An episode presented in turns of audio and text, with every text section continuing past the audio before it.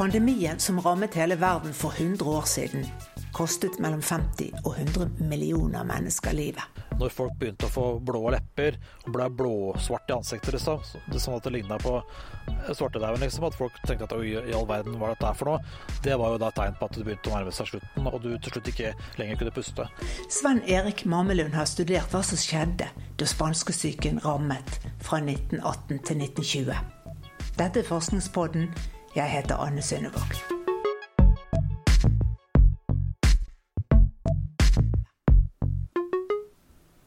Under første verdenskrig, våren og sommeren 1918, kom den første bølgen av det som skulle bli den verste influensaepidemien i historien. Vi vet fortsatt ikke hvor viruset kom fra, og forskerne krangler om det kom direkte fra fugler eller tok omveien om svin.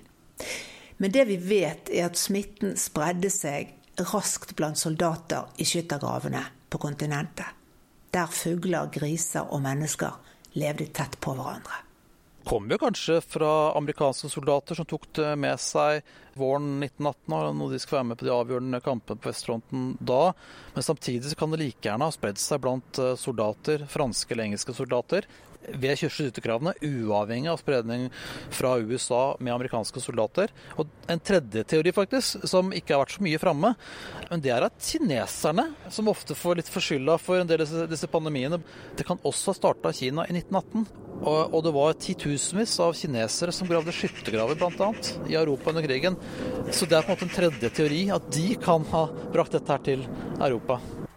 Vi sitter i hagen til Svein Erik Mamelund som har hjemmekontor på landet litt nord for Oslo. De sitter og klemmer nå. Det der er skjærereir som er oppi der. Mamelund er demograf ved Oslo OsloMet og har forsket på spanskesyken i 25 år. Og så spredde det seg raskt til alle kontinenter, slik at det var liksom spredning av influensa eh, på en måte på alle kontinenter i flere land på likt. Det er det som liksom kjennetegner en pandemi. Så kom det jo i, i flere bølger. da. Én eh, på våren eh, og sommeren 1918, som på en måte var relativt mild, egentlig. Altså det var ikke så mange som døde av det. Selv om det var ganske, ganske mange som ble smitta, og særlig i, i, Norge, faktisk. Skandinavia så har vi data eh, på denne pandemien som tilsier at vi hadde et ganske kraftig sommerutbrudd. For sommeren 1918 spredde spanskesyken seg over hele Norge i løpet av noen uker. Viruset ble med folk som dro fra byen og ut på landet. Smitten spredde seg langs veiene og jernbanenettet. Den ble med Hurtigruten nordover fra Bergen og med lokalbåtene inn i fjordene. Så det var mange som var syke, eh, men altså relativt få som døde. Det er tall fra en intervjuundersøkelse i Bergen som viser at det var rundt en prosent av de syke som døde. Altså ikke, ikke eh, en prosent av de smittede, for det vet vi ikke helt eh, eksakt hvor mange som var smitta, men dette er tall fra en spørreundersøkelse. Så 1% av de syke døde sommeren 1918, og det er tall fra Bergen her. Men det skulle bli verre? Den verste bølgen av spanskesyke kom jo høsten 1918. Og da var dødeligheten noe høyere. Da var det 2% mot 1% på sommeren. Altså dobbelt så høy dødelighet. Så ble det november, og med november kom freden. Verdenskrigen som hadde kostet 18 millioner mennesker livet, var endelig over etter fire lange år, og det var tid for å feire. Men det skulle ikke gå mer enn en uke etter massefeiringene før spanskesyken tar hevn. Utbruddene av influensaen er nå nærmest eksplosive. Og det spredte seg jo da eh, ganske raskt, fordi at man møttes ikke sant, til familiesammenkomster og feira jul, og det var eh, juletrefester og sånne ting. Og i forbindelse med sånne, sånne begivenheter så spredte det seg raskt igjen. Så da, da hadde du den tredje bølgen. Så varte det egentlig utover, uh, utover vinteren 1919, da, og så var det en ekkobølge, som noen ganger sier det på enkelte steder i 1920, f.eks. i, Nord-Finland, i Enare, så døde det 10% av innbyggerne der. Det er stort sett et samesamfunn, egentlig, i Enare i Nord-Finland. Det begynte gjerne med plutselig høy feber, hodepine og nakkestivhet. Mange følte et sting i brystet, andre fikk betennelse i øynene eller luftveiene. Noen fikk mer alvorlige symptomer som blødninger fra nese, lunger, nyrer, endetarm og livmor. Det er i hvert fall masse anekdoter om at noen kunne bli smitta liksom, dra ut på morgenen for å, for å dra på jobb, såkalt frisk og så på en måte i løpet av dagen bli syk, og så droppe død liksom på gata eh, samme dag. Sånne type, eh, noen sånne anekdoter eh, har vi om at noen blei plutselig bare kasta over deg, at du blei smitta og veldig fort syk, og døde i løpet av bare en dag, eller kanskje på noen få dager. Det husker jeg min far og hans venner fortalte om også. og De var jo den generasjonen som da var 10-15 eh, år på den tiden. Og så var det jo litt skremmende, tror jeg også, for at det var eh, sånn at eh, lungene på en måte så å si ble fylt med væske. Dette satte seg på en måte ned i lungene for, for, for mange. Eh, og så at du, du, du, du, får ikke puste, ikke sant. Og til slutt så var det mange som fikk en ting er, Det er ulike stadier av sykdommen. ikke sant? Du på en måte kan begynne med klassiske liksom, influensasymptomer, og ganske raskt kan du bli dårligere. Og så på en måte går over i noe kjipere stadier med lungebetennelser. Og når folk begynte å få blå lepper og ble blåsvart i ansiktet, liksom, sånn at det ligna på svartedauden, liksom, at folk tenkte at oi, i all verden, hva er dette for noe? Det var jo da tegn på at det begynte å nærme seg slutten, og du til slutt ikke lenger kunne puste. Ofrene for spanskesyken Spanskesyken er forresten et misvisende navn. Spanjolene var helt uskyldige i dette, men spanske myndigheter var de første som innrømmet at en ny NIFs sykdom spredde seg hos de våren 1918. Så sånn oppsto navnet. Men ofrene for spanskesyken ble ufattelig mange. Og alt i alt øh, i verden da, så døde det jo et sted mellom 50 og 100 millioner. Altså et sted mellom 2,5-5 av jordas innbyggere. Mellom 50 og 100 millioner døde. Det er flere enn de som døde i de to verdenskrigene til sammen. Når så mange bukket under for dette influensaviruset, så skyldtes det for det første at viruset var veldig potent. Det var kanskje den viktigste grunnen til at det spredte seg raskt til alle kontinenter og smittet én av tre mennesker på jorden. Men det var flere grunner. Det andre var jo at det var krig samtidig. Så selvfølgelig det har betydd noe både for spredningspotensialet og det har betydd noe for sårbarhet. Så vi var på en måte mer sårbare gjennom dårligere kosthold og matknapphet og knapphet på det meste, egentlig. Så liksom, sånn sett så var man egentlig mer sårbar da, under krigen. Og så var i de krigførende landene det mesteparten av helsevesenet også stasjonert ved fronten. Så på hjemmebane hadde man også dårligere tilgang til leger og, og sykepleier. Så alt dette her på en måte virka jo inn på å gjøre dette her såpass ille som det var. Spanskesyken ga ofte alvorlige følgesykdommer, men sykehusene hadde verken intensivavdelinger eller lungemaskiner, og det var mangel på effektive legemidler. Antibiotika f.eks. var ennå ikke oppfunnet. Og Så kan du spørre om Norge, da, hvor mange som døde her. og Det har vi sånn ganske god kål på gjennom å, å, at vi har beregna såkalt overdødelighet. Altså Vi ser på hvor mange som har dødd av alle årsaker innenfor det tidsrommet spanskesyken ramma som verst. Og så har vi trukket bort liksom, den såkalte normale dødeligheten, den som vi tror ville kommet uavhengig av spanskesyken i Norge. Og det var rundt 0,6% av Norges befolkning. Og det er jo noe lavere ikke sant, enn det der gjennomsnittet for hele verden, som er et sted mellom 2,5 til 5% Altså dødeligheten i Norge var eh, relativt lav sånn i en sånn global sammenheng, faktisk. Og det er jo mange færre enn gjennomsnittet i resten av verden. Og jeg blir jo nysgjerrig på hvorfor vi slapp lettere unna enn folk i andre land. Ja, egentlig er det vel det vi ser. At eh, det som vi tenker på som høyinntektsland i dag, de landene i 1918 hadde også lavest dødelighet sammenlignet med det som vi i dag da tenker på som lavinntektsland altså u-land, som man sa før, tror jeg. Så det var et skille mellom det man tenker på i dag som høy- og lavinntektsland, også for 100 år siden. Men var Norge Norge var jo ikke et høyinntektsland i 1918. Nei, det har du rett i, men det, der har historikerne også hatt masse debatter om liksom hvor fattige vi var i Norge for 100 år siden. og Det viser seg egentlig at vi var visst ikke egentlig så fattige som man har trodd. Det var egentlig kanskje mer en myte. Så jeg sier ikke at Norge var veldig rikt. Det jeg kan si at det ser ut som at omtrent Altså Vest-Europa, da. Eller ja, altså de landene vi har gode data for å se på dette her, for vi har ikke gode data for alle land.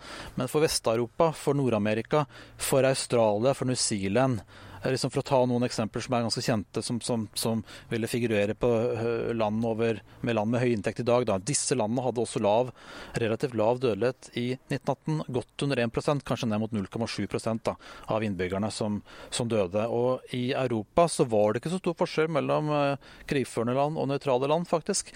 Så den er ikke helt fullgod likevel den forklaringen på at krigen på en måte Eh, var med på en måte så å si, da, og gjorde at dette ble mer ille enn det det ville vært uten krig. Men én rolle må det jo ha hatt altså, likevel. Altså, det tror vi jo på. Men det fins en forklaring til på hvorfor vi i Norge og andre mer økonomisk utviklede land klarte oss bedre gjennom spanskesyken enn lavinntektsland. Vi hadde trolig mer immunitet i befolkningen mot influensaviruset som forårsaket pandemien, enn det folk i mer isolerte deler av verden hadde. For vi hadde vært igjennom flere influensaepidemier før. Og selv om dette var et nytt virus, så var det i familie med andre influensaviruser. Norge var, eh, selv om vi er litt i utkanten av Europa, liksom en steinrøs eller i utkanten av Europa, så var det likevel sånn at vi var jo en sjøfartsnasjon. Og vi har på en måte mye kontakt med resten av verden gjennom sjøfart spesielt. Så vi har på en måte alltid hatt god kontakt med, med resten av verden. Så områder i verden med god kontakt med hverandre på ulike vis gjennom interkontinentale jernbanenettverk, via interkontinentale dampskipsruter osv. osv. Alle disse landene som har god kontakt med hverandre, der hadde man restimmunitet. Så da var jo spørsmålet eh, som jeg stilte for det er jo 10-15 år siden nå, var denne restimmuniteten like sterk i områder som var svært isolerte i verden? Så jeg samla data for Nord-Amerika, for Alaska og Labrador. Jeg samla data for Skandinavia, altså for sameområdet i Norge, Sverige eh, og Finland og Russland. Og jeg samla data for eh, Australia og New Zealand, hvor det også er betydelige områder eh, hvor folk bor isolert. Og gjorde det særlig også i 1918, og på Stillehavsøyene. Og det jeg fant, var at det var tre til åtte ganger høyere dødelighet blant isolerte urfolk sammenligna med ja, majoritetsfolk, kan du si, da, altså resten av befolkningen, i noen av disse samme landene som ikke bodde isolert. Og det er jo det jeg igjen forklart av, eh, av, manglende immunitet. Det er min hovedhypotese at det er manglende immunitet i det isolerte samfunnet. At man i mindre grad da har vært eksponert for disse virustypene som kunne beskytte deg i 1918. Så derfor er det også så høy dødelighet i enkelte av disse her isolerte samfunnene. F.eks. så døde jo da 2,5 eh, av innbyggerne i Alta, Kautokeino og Karasjok. Altså fem ganger høyere dødelighet enn det som var snittet for Norge, som lå på 0,6% altså. Betydelig høyere dødelighet. Og noe av de verste utslagene var f.eks. på Vest-Samoa, hvor en fjerdedel, altså 25 av, eh, av innbyggerne døde. Og der var det stort sett også uh, urfolk som døde. I Labrador døde en, døde en tredjedel uh, av befolkningen. Og stort sett urfolk. Og hvite i disse samme samfunnene hadde mye lavere dødelighet. Også i Alaska, med ekstreme utslag, særlig der hvor du fikk sykdommen, altså som på Seward Peninsula. Den siste båten for sesongen opp til Alaska tok med seg spanskesyken. Og det er det som er så utrolig kritisk og så uheldig også, at den siste båten før isen la seg på Seward Peninsula, tok med spanskesyken til Seward Peninsula. Så veldig mange av landsbyene på Seward Peninsula, på vestsida av Seward-halvøya, jeg fikk spanskesyken i Alaska, ja. Fikk spanskesyken, og med katastrofale følger. Blant annet da 90% i Brevik, Alaska. Ekstremt høy dødelighet. Så min påstand er vel egentlig at hvis det ikke var slik faktisk at man hadde såpass mye restimmunitet, særlig da i de landene som vi kjenner godt, altså Vest-Europa og, og liksom de høyinntektslandene, som var eh, godt på en måte knytta til hverandre gjennom transportnettverk og, dampskip og, og jernbane osv. Der ville dødeligheten vært veldig mye høyere hvis det ikke var for denne restimmuniteten. Så kanskje egentlig spanskesyken er verre enn sitt rykte. Hadde vi ikke hatt denne restimmuniteten i bånn, så hadde dødeligheten vært mye høyere overalt i hele verden. Du hører på Forskningspodden, og jeg snakker med demograf Sven Erik Mamelund, som i 25 år har forsket på spanskesyken og andre pandemier. Mens influensaviruser flest har det med å ramme de eldste hardest, var det motsatt under spanskesyken. I 1918 til 1920 var det absolutt farligst å være ung voksen. Men hvordan forklare det? Forskerne har ikke noe svar med to streker under, men det fins noen teorier. For det første er det mye som tyder på at de eldre kan ha hatt mer immunitet mot viruset som forårsaket spanskesyken. I dag vet vi at det var et influensavirus av type A. H1N1 er den presise betegnelsen.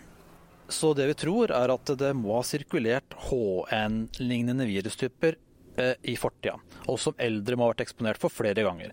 Så alle disse virusene som du har vært eksponert for og kanskje har hatt, da, ikke sant, blitt smitta og hatt eh, gjennom årene, vil kunne seinere i livet være med og faktisk beskytte deg eh, seinere i livet. Og det gjorde det. Så vi så altså at de som var mellom 20 og 40 år, var hardest ramma både av sykelighet og dødelighet i 1918. Men de som var eldre, si at du er et sted mellom 60 og 70 år i 1918, så hadde du til slutt faktisk det vi kaller negativ overdødelighet. Det betyr at det, det var faktisk lavere dødelighet enn forventa blant de eldre. Så det man tror, i tillegg til at unge voksne da på en måte mangla noe av denne beskyttelsen som de eldste hadde, så var også aktiv tuberkulose, eller, eller, latent tuberkulose, rett og slett, ganske utbredt. Sånn at den kan også ha blitt aktivisert og trigga, sånn at du på en måte hadde høyere sannsynlighet for å dø hvis du ble smitta i 1918. Og En tredje idé er at unge voksnes immunforsvar er relativt sterkt, og at det faktisk kan være negativt i møte med et sånt nytt virus, hvor det kan gå ja, på mange måter helt bananas i, i møte med viruset og virke mot sin hensikt, altså ikke beskytte deg. Så at du får multiorgansvikt som konsekvens. Og Det heter psykotinstormer tror jeg, på medisinspråket. Dessuten diskriminerte viruset den gangen som i dag. De fattige, de som bodde trangt, og de som hadde yrker der de var utsatt for smitte hadde høyere dødelighet enn de som var bedre stilt. Og følgene av pandemien var voldsomme. Bare i Norge ble 5000 ekteskap oppløst ved død. Tusenvis av barn mistet én eller to foreldre.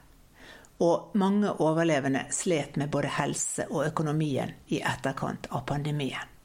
Selvmordsstatistikken føk i været på 20-tallet. Antall psykiatriske pasienter på asylene økte og på fattighusene ble det trangere om plassen. Og i motsetning til i dag, med covid-19, så visste ingen i 1918 hva man faktisk sto overfor da pandemien kom. Altså I 1918 visste man jo ikke hva som forårsaka eh, influensa. Man visste ikke hva virus var i 1918, så man trodde det var en bakterie. Så influensa ble først uh, isolert til svin, tror jeg det var 1931, og i mennesker 1933. Fra først da kunne man på en måte begynne uh, for da å tenke i retning av å lage vaksine ikke sant, som skulle virke godt. fordi da visste man på en måte hva som var årsaken til, til uh, sykdommen. Og når man ikke kjente årsaken til sykdommen, hadde man heller ikke noen medisiner å stille opp med. Det beste rådet legene kunne komme opp med til politikerne, var å utlevere brennevin til alle husstander og det midt i forbudstiden. Men ettersom sosialministeren, avholdsmannen Lars Christian Abrahamsen fra Venstre, så hadde ivret for å få vedtatt forbudet mot salg av alkohol i Norge to år tidligere, selv lå psykisk spanskesyken da saken ble behandlet i regjeringen, så ble forslaget vedtatt. Og konjakk delt ut til alle familier i apotekene på rasjoneringskort. Og selv om ingen ennå visste hva et virus var, så skjønte de fleste at dette var en smittsom sykdom. Ergo så sa man det at det kanskje var lurt å ikke spytte overalt. ikke sant? Slutt med spyttingen. Spytting er ikke bra. Så i tillegg til å liksom anbefale ekstra offentlig hygiene og vasse på hendene Dette var også ting man på en måte anbefalte den gangen. Og man anbefalte folk å ikke oppsøke store folkemengder i Norge så var det ikke noe sterk holdt jeg på å si, eh, folkehelsemyndighet som sa at nå skal hele landet gjøre sånn og sånn. Man gjorde det litt forskjellig. Så noen steder i landet så stengte man skoler. Noen steder eh, stengte man forsamlingslokaler eller kirker. Eh, så man gjorde egentlig det som man faktisk gjør i dag. Så det var valg eh, høsten 1918 også i Norge, og enkelte valgmøter ble avlyst f.eks. Så man gjorde mye av det samme faktisk da også, men, eh, men litt usystematisk. Og, og, her trenger vi mer forskning. Skulle gjerne ha forska noe på, på dette, akkurat dette her. Men, man, men, jeg vet fra en studie da, som jeg har gjort på spanskesyken, som så på det var 40-50 amerikanske byer, og sammenligna dem. Og da så man det at de byene i USA som isolerte syke, satte eksponert i karantene, og som eh, stengte skoler, eh, og som på en måte forbød masseansamlinger. De byene som på en måte gjorde flere av disse tingene eh, tidlig og på likt, og opprettholdt tiltakene lenge, de hadde alt i alt lavere dødelighet enn byer som gjorde lite, eller som satte i gang bare, kanskje bare ett tiltak, og som løfta tiltakene for tidlig. Så Det er jo på en måte noe lærdom i. da. Så Det har vi også diskutert nå i dag, om hvordan skal vi åpne opp igjen. Nå må man gjøre det eh, sakte, rolig, disiplinert, kanskje ikke åpne overalt på likt. Og det vi da har gjort på den måten her i dag, eh, henger nok noe sammen med den kunnskapen man har fra hvordan man har gjort dette tidligere. Det var altså først på 1930-tallet at man oppdaget virus. Og skjønte at det var virus som forårsaket influensa og spanskesyken. Og i tiårene som fulgte, så begynte forskerne arbeidet med å utvikle influensavaksiner. Men spanskesykeviruset sirkulerte ikke lenger. Og ingen kunne forklare hvorfor akkurat det var så dødelig. Hva skilte dette viruset fra andre influensaviruser? For å finne ut det måtte man gjenopplive viruset. Og i 1951 gjorde en svensk mikrobiolog et tappert forsøk. Da var det en som het Jonan Hultin og hans team fra universitetet i Iowa som gravde opp en massegrav i Brevik eh, på Seward Peninsula i, helt vest i Alaska. Fikk tillatelse til å åpne massegrav der. Der hadde 80 mennesker levd før spanskesyken kom. 72 av dem døde. Alle de 72 lå i en massegrav, og ligger fortsatt i en massegrav i eh, permafrosten i Brevik. Hultin tok ut lungene til fem av de døde inuittene, og prøvde så godt han kunne å holde organene dypfryst under transporten tilbake til Iowa. Og så, i laboratoriet der, forsøkte de å sprøyte lungevev inn i hønseegg. Altså prøve å gjenskape viruset i laboratoriet, men da var ikke teknologien god nok de mislyktes. Nesten 50 år seinere fikk en canadisk forsker samme ideen. Hun hadde hørt at ofre for spanskesyken lå begravet på Svalbard. Ja, dette var sju nordmenn som hadde dratt ut fra Tromsø eh, våren 1918. Eh, eh, det var fiskere. De skulle, jobbe, de skulle gi opp fiske for en stund og jobbe i gruver på, på Svalbard. Men flere av dem ble syke på overfart til Svalbard, til Spitsbergen og døde ganske kjapt etter at de ankom Svalbard. Og ble gravd ned og gravlagt på Svalbard i permafrost. Den canadiske professoren Kirsty Duncan og hennes team fikk i 1998 tillatelse til å grave opp levningene. Og til sin forbløffelse så fant de sju kister bare en halv meter under jordoverflaten. Det som var litt leit der oppe da, var at eh, disse permafrosten har en evne til å løfte alt som blir gravd ned, opp. Sånn at eh, de kistene her var løfta ganske høyt opp i permafrostlageret, i det lageret som er aktivt.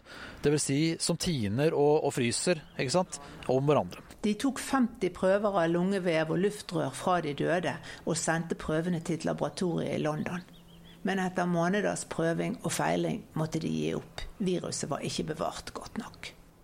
Men ett år tidligere i 1997 hadde Johan Hultin, som nå var blitt 72 år, fått tillatelse til å åpne massegraven i Brevik i Alaska igjen. Denne gangen tok han ut lungene til en overvektig kvinne som var midt i 20-årene da hun døde. Og hennes lunger var utrolig godt bevart i permafrosten. Og nå, nesten 50 år etter første forsøk, var teknologien og logistikken på plass også. I laboratoriet i Washington DC klarte forskerne etter ti dagers arbeid å isolere viruset fra lungen til inuittkvinnen. De hadde gjenopplivet H1N1-viruset. Og arbeidet med å kartlegge arvematerialet til viruset, som skapte historiens mest dødelige pandemi, kunne nå begynne. I 2005 så var de i mål. Og under ekstremt strenge sikkerhetstiltak injiserte forskerne H1 NN-viruset i mus. Musene gikk raskt ned i vekt, og etter tre dager var de døde. Forskerne så også at spanskesykeviruset formerer seg veldig mye raskere enn andre influensavirus. Og Seinere er viruset prøvd ut på både ildere og apekatter, så i dag vet vi en god del mer om spanskesyken. Men det er fortsatt ubesvarte spørsmål, sier Sven Erik Mamelund de har liksom ikke funnet ut av f.eks. hvorfor unge voksne var så hardt ramma, eller veldig, veldig, mange spørsmål rundt det her ennå som vi ikke vet svaret på, selv om man har da identifisert viruset og forska på det i laboratoriet. Forskningspodden er laget med støtte fra Fritt Ord og forskning.no. Jeg heter Anne Synnevåg. Takk for at du hører på.